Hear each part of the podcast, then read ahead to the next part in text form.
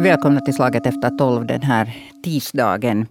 Eh, idag så ska, det, ska vi gå utrikes, nämligen tusentals migranter har samlats vid gränsen mellan Belarus och Polen för att försöka komma in i EU. För det här är en pågående kris som eskalerar hela tiden. Både Polen och Litauen har stärkt sin gränsbevakning och där är då både polis och militär. Och då varnar de för våldsamma konfrontationer, vilket vi har sett redan en del av det här nu här redan under gårdagen och under natten. Eh, vad är det riktigt som sker? Varför sker det? Och hur kommer EU att eh, nu agera då den EUs yttre gräns då eh, på det sättet är angripen och samtidigt har vi en sån här humanitär kris på gång. Det ska vi diskutera här i Slag efter tolv idag. Och, eh, nu säger jag allra först till min ljudtekniker, jag hoppas du lyssnar nu, Eh, Nils Torvalds som vi ska ha med oss från Bryssel. Har vi honom nu på? Ja, han har skrivit ett textmeddelande åt mig att han är på InSkype och väntar. Okej, okay. bra. Så då vi försöker etablera den kontakten. Men under tiden säger jag välkommen till Hanna Smith som är expert på hybridhot och forskningsdirektör vid det europeiska kompetenscentret för motverkande av hybridhot. Välkommen Hanna Smith. Tack, tack. Och så har jag med mig också Gustav Antell, eh, vår Baltikum-korrespondent. Välkommen. Tack, tack. Okej, vi börjar med er båda och så hoppas jag att vår ljudtekniker får hjälp här nu att etablera kontakten med, med det där Nils Torvalds. Det, om man är alena där så är det lite många saker att hålla, hålla i händerna på en gång. Det där, jag börjar med dig Gustav Antell. Kan du, jag har själv följt med här nu under dagen vad som pågår. Jag har kollat här på, på det finns utmärkta sådana journalister som bevakar eh, hela tiden det som sker, alltså platsen. Också vit, alltså belarusiska journalister som då tweetar på engelska och med bilder och allting. Men, men vad är din eh, situationsbedömning just nu? Vad, vad är läget just nu? Jo, alltså det, det, är ändå, trots att, som du nämner, att det finns belarusiska journalister och på den sidan av gränsen en viss, viss mediatillgång. Det är väldigt svårt att veta exakt vad som mm. händer, för att på polska sidan släpps ju inga journalister exakt. nära. Polen, Polen har då stängt hela området tre kilometer in i landet. Det som, det som vi ser och är, är det, alltså, det finns förstås tre grupper. Ena är, är alla dessa tusentals migranter som Polen säger att det just nu rör sig om kanske upp till 4 000 personer och, och Belarus säger 2 000 som, som är där i gränsområdet och, och åtminstone tusen är samlade på ett, ett och samma ställe. Och, och de, har, de har försökt, de flesta när, när jag har tittat på de här videorna, så de flesta av dem har, har nu bara ett, ett läger där och så, så sitter de och väntar på, jag vet inte, bättre tider. Medan, medan då en del av, av de här har, har försökt komma in i Polen. De har antagligen, det här är nu en gissning från min sida, men någon, någon på Belarus sida har ju gett åt dem möjligheter att, att fälla träd och, och, och stå där med metallspadar och försöka slå sönder de här uh, små taggträdsstängslen som Polen har byggt upp.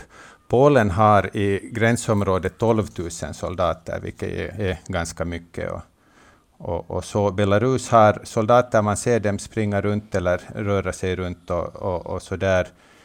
Och, och det sägs att de här, och det finns väl vissa videor som tyder på, om, om man nu, nu bara tittar på, på det lilla som en video kan visa, att de här belarusiska gränspoliserna knuffar på eller liksom hela tiden trycker på att de här migranterna ska försöka kämpa sig in i Polen. Mm.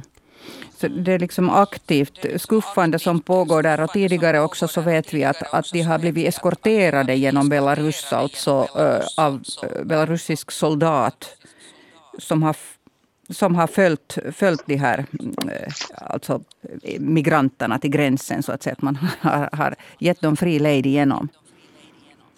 Ja, och det, och det, är helt klart att, att de är ju influgna till Belarus. De har ju inte på det sättet kommit helt av sig själva, utan det har ordnats nu flyg, flyg i första hand väl då från de kurdiska delarna. Eller nej, alltså de, de flesta är nu från, från de kurdiska delarna av Irak, men just nu så går flygen nog via, via Dubai och Istanbul och Damaskus. Mm. Uh, det är allt organiserat utan tvekan. Nu ställer jag följande fråga till Hanna Smith. För att, att det här är, vi talar ofta idag och hör om hybrida hot och hybridkrigföring. Är det det vi ser nu ett exempel på här? Är det här alltså Belarus och Ryssland som, uh, som vill helt enkelt skaka om EU? No, jag tror att um, det är ganska lätt att svara, nämligen det är visst så.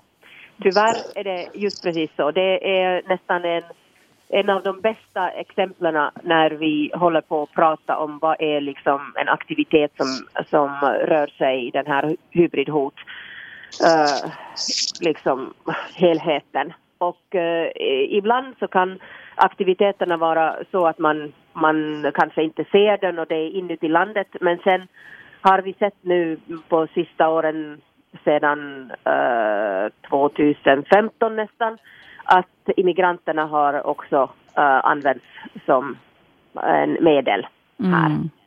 Alltså de här arma människorna här är nu spelbrickor? Helt och hållet. Och det är det som är så sorgligt med, med det här hela. Och det är klart och tydligt att uh, man kan nästan, uh, eller man kan se uh, att det här är ett, faktiskt en attack nästan mot EU. Mm. Och då ställer vi då följande fråga, vad månne EU ska göra nu? Då det är en attack mot EU och tillika så har vi en humanitär kris som säkert kommer växa fram där, för det är ganska kallt redan och de här människorna släpps inte tillbaka till Belarus. Och de släpps mm. inte in i, i Polen. Så, så Nils Torvalds, EU-parlamentariker, hur, hur följer ni med läget nu och vad har ni tänkt eventuellt göra?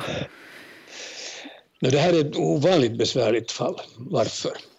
Eh, dels av den orsaken att, att förhållandet mellan EU och, Polen är, är för tillfället ganska spänt av andra orsaker. Mm.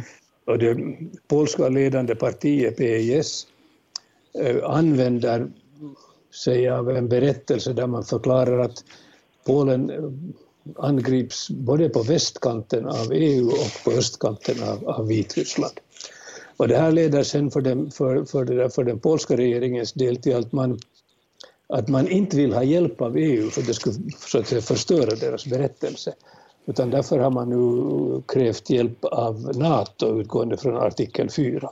Så att, så att i den här fruktansvärda situationen där enligt de uppgifter vi har åtminstone åtta människor har, har dött eh, i, i den här gränstrakten och risken för att eh, människor dör också i fortsättningen är överhängande stor eftersom vi eh, kan ha eh, temperaturer där kring nollstrecket. och människorna har då, som det redan sades, här transporterats från Dubai och Istanbul och Damaskus per flyg och sen då eskorterats till den, till den, till den, till den polska gränsen av, av det där av vitryska säkerhetstrupper. Och det här är ju liksom en, ett ovanligt cyniskt, ett ovanligt hemskt sätt att, det där, att, att eh, hämna, för Lukasjenko att, att hämnas på, det där, på, på EU för de åtgärder man vidtog efter det fullständigt ohederliga valet. Och det som gör det här ännu värre är naturligtvis att ingen betvivlar att inte det där Ryssland också så att säga, är med i den här operationen och helt enkelt använder den här för att se vad Polen eller EU gör så att säga, på elektronisk väg för att följa med vad som, vad som händer. Så att man använder det här också för att, så att säga, som en förberedelse för en, lite som en, en, det där, en, en krigsövning. Jag måste säga att, att den här, eh, när du nämnde Ryssland här också, så, så det där eh, Maria Sakarova som är någon sorts talesperson för, för Kreml, om jag har förstått saken rätt, så hon har uttalat sig och sagt att att det där att, att, no ja, att Warszawa, alltså Polen var ju med och förstörde en helt funktionell stat, det vill säga Irak hade åtminstone 2000 soldater där. Att nu kan ni ju ta emot åtminstone lika många tacksamma irakier idag då, att släppa in dem. Såg ni det här uttalandet? Nej, men jag är inte, heller, jag är inte särskilt förvånad. Att det, i, den här, I det här fruktansvärda fallet av internationell cynism där, där Kreml naturligtvis är inblandad. Jag menar, Lukasjenko gör knappast någonting utan att ha frågat, det där, eh, sin partner i, det där i Kreml om, om, om det här är möjligt. Och det finns väl till och med den möjligheten att hela det här, eh, den här hybridkrigföringen mot Polen helt enkelt har, har funderats fram med det där i, bland, av säkerhetstjänsterna i, det där i, i, i Ryssland. Och, det där, och Lukasjenko är bara den lydiga det där, tillämparen av det här. Mm. Nu har det här ju redan spilt över den här krisen i inrikespolitik också. Vi kan ta upp det lite senare. Men att, att jag vet att i riksdagen redan så, så diskuterades det här igår och, och, och efterlystes nu kraftåtgärder också från Finlands del för att man eh, är rädd för att det sprider över hit och följande problem att, att vi, vi står vid samma problem med en massa eh, migranter som står vid vår gräns. Och, och, det, där, eh, det här kan vi diskutera lite senare. Men eh, Hanna Smith, om jag, om jag frågar dig. Ehm, det här ser man allt oftare nu för tiden, just att, att migranter används som spelbrickor. Vi har också sett det, alltså Turkiet har ju också utövat samma teknik. Att, okay, att vi stoppar, vi stänger inte, vi öppnar vår gräns och släpper liksom fram till, knackar på EUs gräns. Eh, va, vad liksom, finns det för åtgärder mot sånt här? Vad kan man göra? No, först först så, så, ska jag säga lite mer om den här just uh, hur den här hybridhotaktiviteten uh, fungerar därför att det, det, då förstår man varför det här händer också. Alltså att det är just precis sån här aktivitet sker när uh, en aktör, i det här fallet kanske man skulle kunna säga att Ryssland är den som är bakom hela saken, så utnyttjar en, en situation som hände alltså i, i Belarus och att de kunde nästan liksom ta över makten i, i Belarus och att Lukasjenko måste göra så som Moskva säger. Så nu utnyttjar de situationen och de har varit irriterade eh, mot eh, EU eh, för ganska lång tid.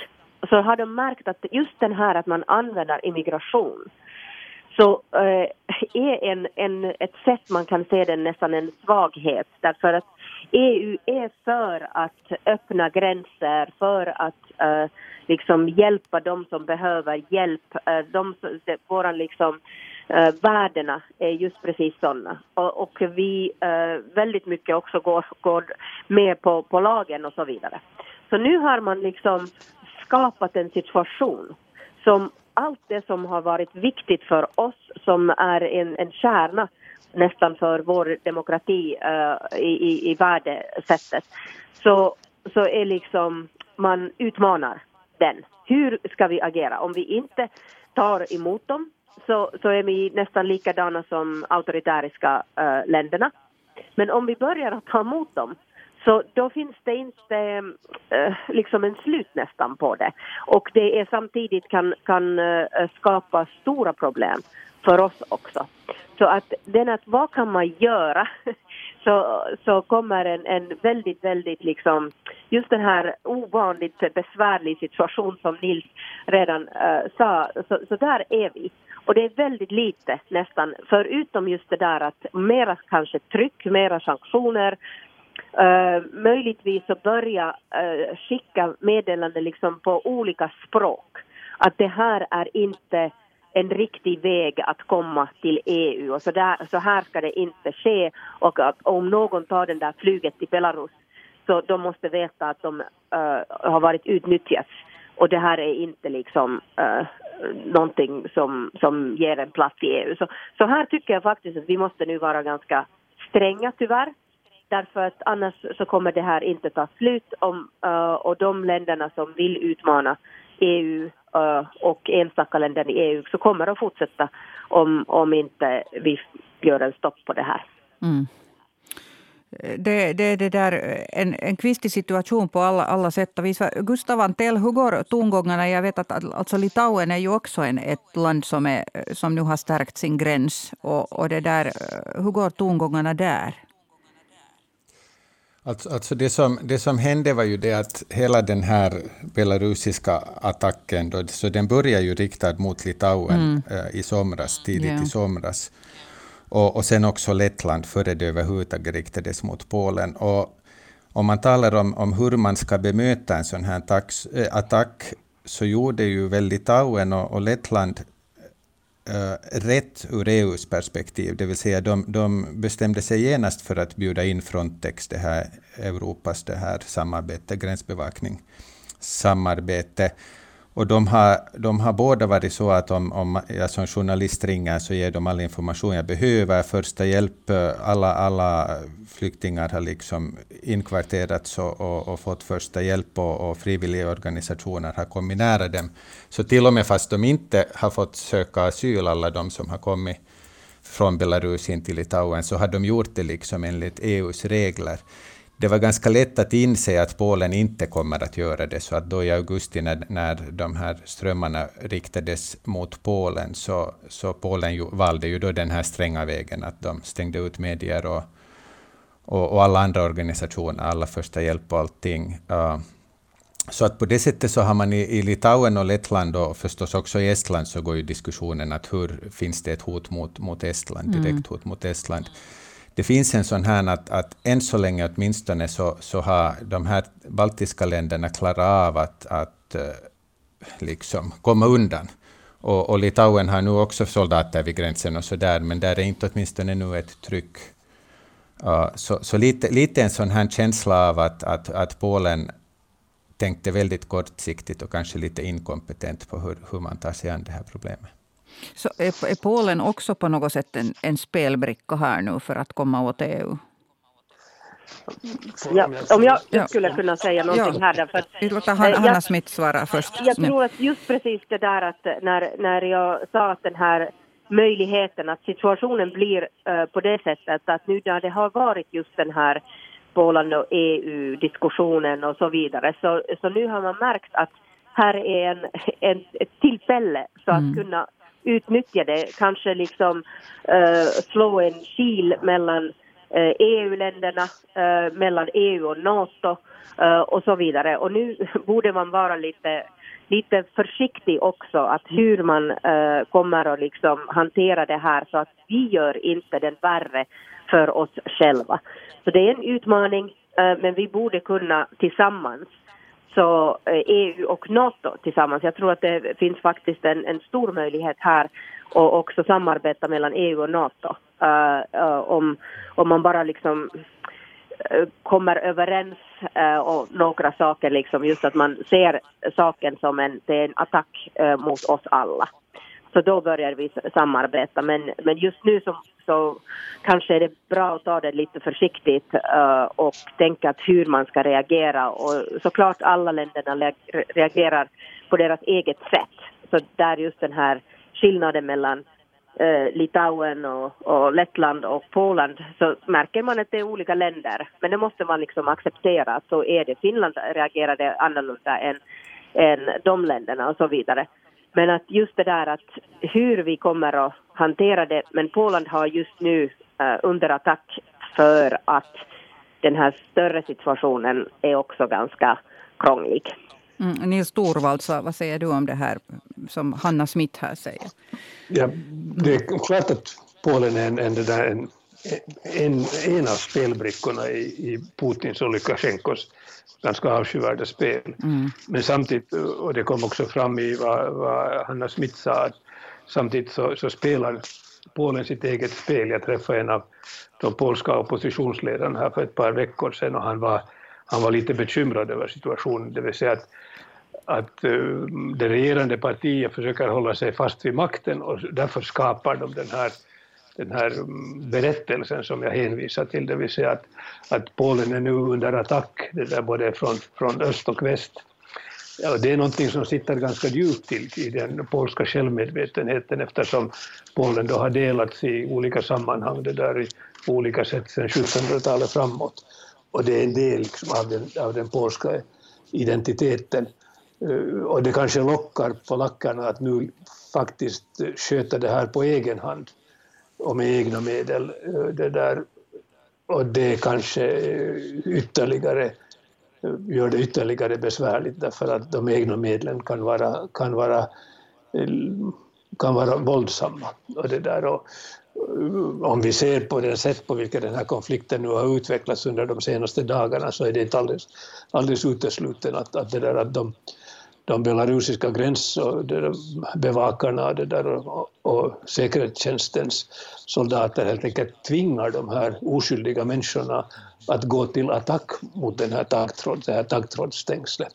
Det har ju egentligen redan skett. Eh, ja. De bilder som jag har sett, i alla fall av videon därifrån, så har de alltså uttryckligen också knuffats mot det här. Jo, de har knuffats mot det. Men, ja. men, det där, men, men, men betänk nu att det där att den bild jag såg var tre kvinnor som skuffades mot det här. Ja, vi har sett samma bild. Mm. Rattvadstängslet som själv är obehagligt. Men, men betänk att man då liksom tvingar de här oskyldiga människorna som har transporterats som djur och med, med för stora betalningar till den här gränsen och så tvingar man dem liksom att, att använda dem som en murbräcka. Mm. Och, och, där, och, och enligt internationell rätt när de har satt sin fot på det där på, på, det där på, på polsk mark så kan de be om asylrätt. Det där, så att, så att, det är alltså fruktansvärt obehagligt och besvärligt. Men ja, får jag komma in? Ja, det får du. Eh, varsågod. Därför, därför att äh, jag, visst, det, det går så där, men den här är nästan eh, när de kommer till Polen är det redan liksom den andra steget eller någonting. Det första är Belarus. Och det måste vi komma ihåg, alltså att de människorna skulle inte vara där om det inte skulle vara Lukasjenkos regim och Moskva som eh, uh, orkestrerar den här hela grejen, som låter allt det där hända, som, som tar människorna i Belarus och att de har tvingats, alltså de har tvingats att ta alla pengarna uh, uh, eller ge pengarna bort och sen ska de liksom tvingas också med vapen in till den här gränsmarken. Så att här, här är den, de skulle inte vara där och Polen skulle inte ha, ha det där problemet om inte liksom Belarus och Ryssland skulle inte organisera den här. Och därför så skulle vi behöva hitta uh, några medel för att kunna um, påverka verkligen, liksom eh, ge en riktigt tryck för Belarus uh, och kanske till och med börja uh, prata med, med Moskva om att den här måste stoppas nu. Samtidigt med tredjeländerna som de flygerna genom eh, de länderna som den här flygerna kommer så borde man prata och kanske flygbolaget jag tror att faktiskt uh, Ursula von der Leyen har, har sagt just det här att uh, nu EU borde liksom sänka sanktionerna mot dem och så vidare. Så att vi måste hitta mer medel för att sätta tryck på Ryssland och Belarus såklart hantera den här med, med, eh, gällande med Polen och EU, men här tycker jag att vi, vi borde liksom också uh, uppmärka att det här är gemensamt problem, det är ett EU-problem och sen när vi har stoppat allt och fått uh, situationen under, uh, liksom under kontroll så då kanske skulle vi kunna prata om det här, vad som händer liksom inuti. Därför att jag tycker att den situationen är så allvarlig att vi borde koncentrera om de som har orsakat hela situationen mer än nu just uh, vad är det som händer i uh, gränsen mellan Polen och Belarus. Mm. Samtidigt sprids ju oron faktiskt i andra länder också att den här diskussionen pågår eh, i många länder nu att, att man på något sätt börjar förbereda sig på att skydda sin gräns mot, mot migranter eller mot, mot folk som söker, söker skydd. Och, och, det där, ehm, jag undrar om jag vänder mig till Gustav Antell. Att, har du någon känsla för att vad eh, den här traditionella mannen på gatan anser? Vad är, vad är liksom stämningen i, eh, baltisk, i de baltiska länderna eh, beträffande en sån här tanke att, att eventuellt behöva skydda sig mera eller att, att det skulle komma liksom mera migranter in? Alltså, jag, jag, tror att det här är en sån fråga som de flesta känner att just nu är inte, inte liksom kanske vardagslivet i Baltikum hotat. Att, att, mm. att det, det, det har flyttat så mycket till Polen, den här pressen. Men det är klart att det finns, och det finns ju här eller det finns ju i princip i alla länder i Europa, en, en högerfalang som politisk, alltså som, som hela tiden varnar för hur farliga de här invandrarna är det ska man komma ihåg i Polen, den nuvarande regeringen kom ju till makten på grund av, av det som hände 2015 med invandrarvågorna då. Och, och det här att, att, att en invandrare person är, per definition är ett, ett fysiskt hot mot, mot landet, så, så det finns ju de som, som tror på det här. Det som också är lite problematiskt, både i Polen, men som man märker i, i, i Baltikum och lite att, att på den här vänsterfalangen, och då är det nog ganska långt till, till vänster, så, så är det ju många nu som bara säger att nu ska vi ta in dem alla och ge dem asyl. Och det är ju egentligen inte för det första så som det fungerar, att man bara bestämmer att nu, nu, nu släpp, öppnar vi gränserna och ger dem asyl. Men den här sortens retorik gör ju, stärker ju sen den här andra högersidan som säger, säger att nu ska vi stänga allt. På längre sikt så, så är det nog ändå så att, att man, man här i Baltikum ser det som så att det är Ryssland som... Att, att Lukasjenko kanske är den som, som nu vill ha det här trycket. Ryssland är jätteglada för det. Hur mycket Ryssland är inblandat vet vi inte. Uh, men att när Ryssland vill, vill jävlas med, med Baltikum, det är då som de riktiga problemen kommer. Mm. Så det här med att bygga en fysisk mur till exempel. Inget baltiskt land och inte Polen heller har ju en, en gräns mot Ryssland som Finland har.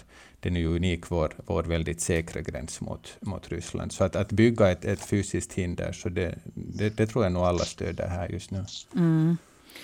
Samtidigt som vi nu pratar här om vem, vem ska göra vad och när, så, så eh, är det ett faktum att, att det faktiskt blir vinter och, och det är som en kamp mot tiden också. Som Nils Torvalds här tidigare nämnde så har åtminstone eh, nu den siffra som har kommit fram med att åtta personer skulle ha frusit, alltså dött av hypotermi, frusit ihjäl redan eh, i den här folkvandringen eller, eller i det här lägret.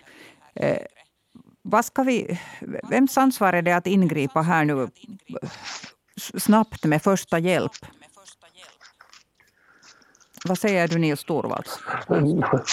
Det tillhör nog avdelningen goda frågor därför att mm.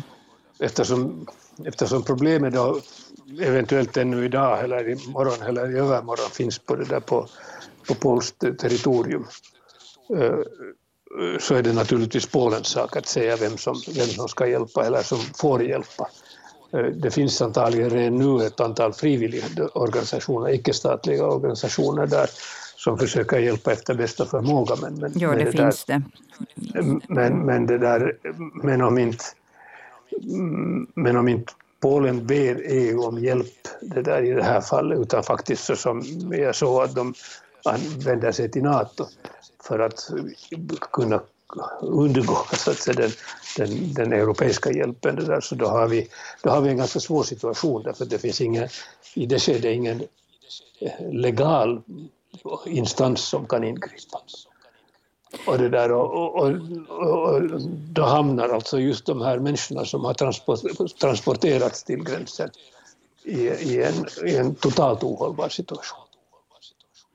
Det, det, kan ju se ut utåt i alla fall som så. Jag har sett några äh, skribenter, journalister som har redan lyft fram det, sagt att, att det ser ut som EU nu för tiden nog att trots äh, alla goda värderingar och allt det här skulle sitta och rycka på axlarna nog att mest vara bekymrad om att den yttre gränsen till EU hålls. Eh, mm. Men, ja, Hanna Smith. Ja, så att um, såklart, därför att situationen är så komplicerad.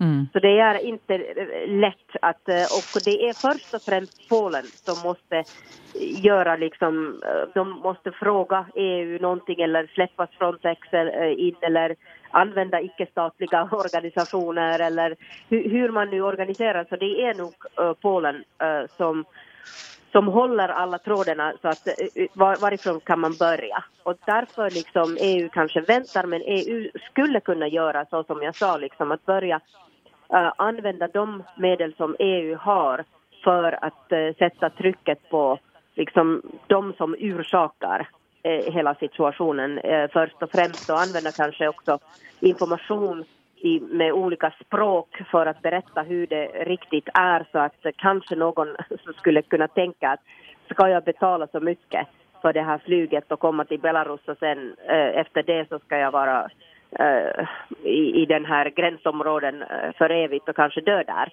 Så att man skulle få den där känslan att jag ska kanske inte ta den här vägen ens en gång att försöka komma till Europa.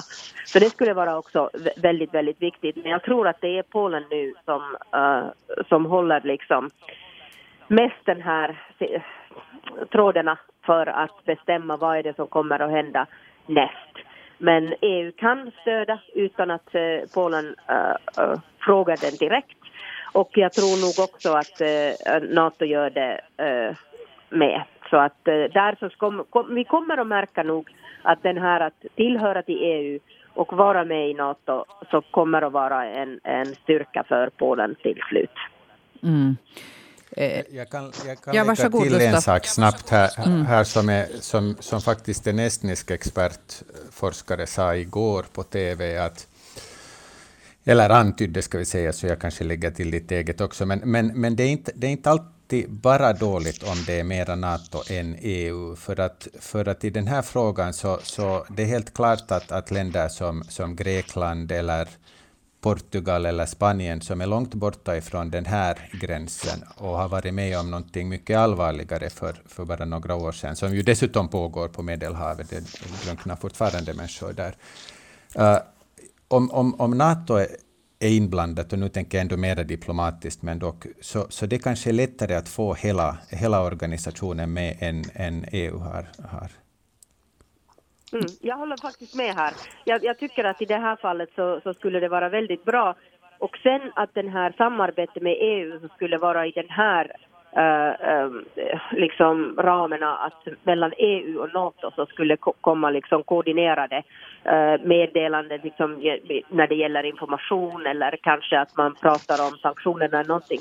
Så att man skulle samarbeta där, den skulle verkligen liksom gynna tror jag, solidariteten i båda EU och i Nato. Mm. Eh, jag tänkte de här bilderna som nu sprids eh, för oss att, att se eh, är, är väldigt upprörande. Och, och det där skulle jag understryka här också att när det ofta har talats om att det är de här unga männen som ger sig iväg, så den här gången är här mycket också barn, och alltså familjer med också rätt så små barn med i, i de här grupperna, som, eller de som sitter fast här nu. Och, och de bilder som nu alldeles färska som kommer härifrån, så är, är, är, alltså, det har uppstått som en tältby där folk har slagit upp tält, alltså det har blivit ett läger. Och samtidigt så ser man också luftbilder där, där, ehm, från polsk sida då man använder vattenkanoner. Mm.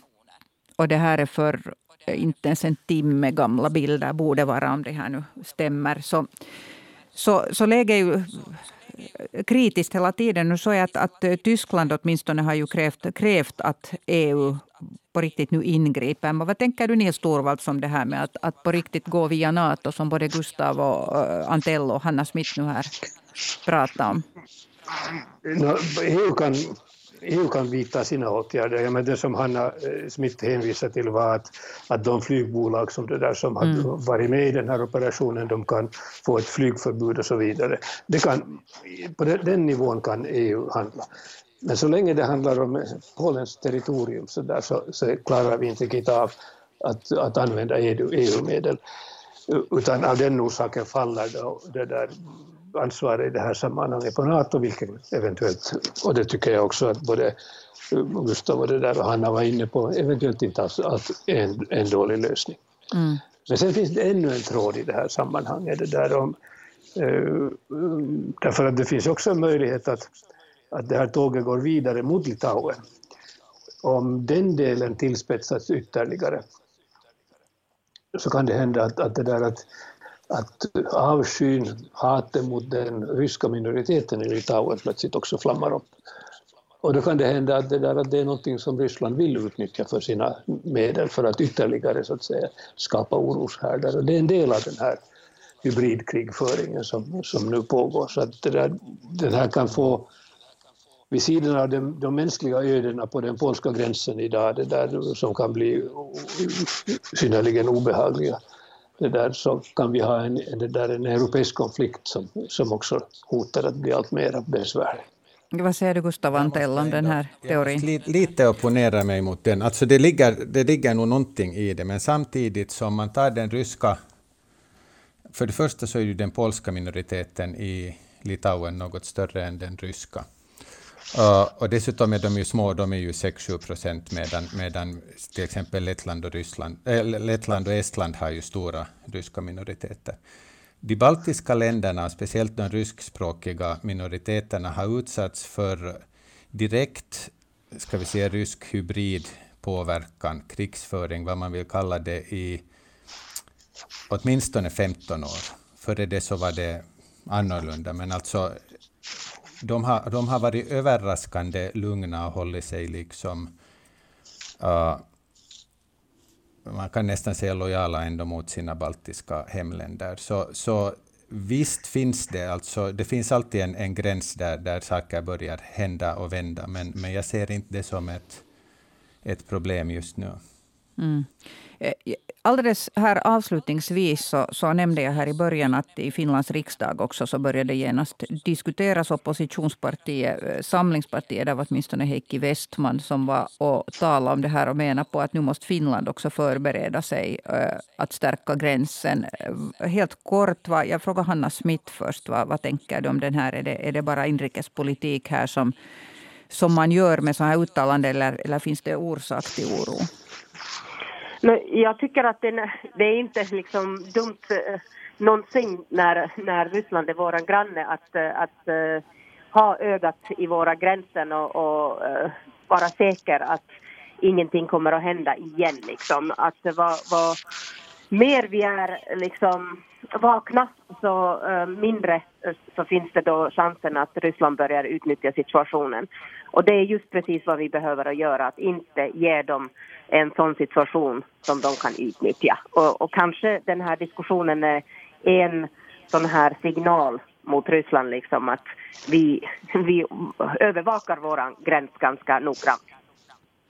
Jag måste eh, tacka er här. Det skulle ha funnits mycket mer att prata om, men att, att situationen pågår hela tiden och de som är intresserade att följa med, så, så jag kan faktiskt den här gången rekommendera starkt. Det finns eh, många bra konton uh, som man kan hitta när man letar på hashtag till exempel Belarus på, på det där Twitter. Att för, kolla förstås för all del källan, att ni inte följer efter någon sån här falsk media. Men det finns alltså fristående journalister som, som eh, bevakar det här.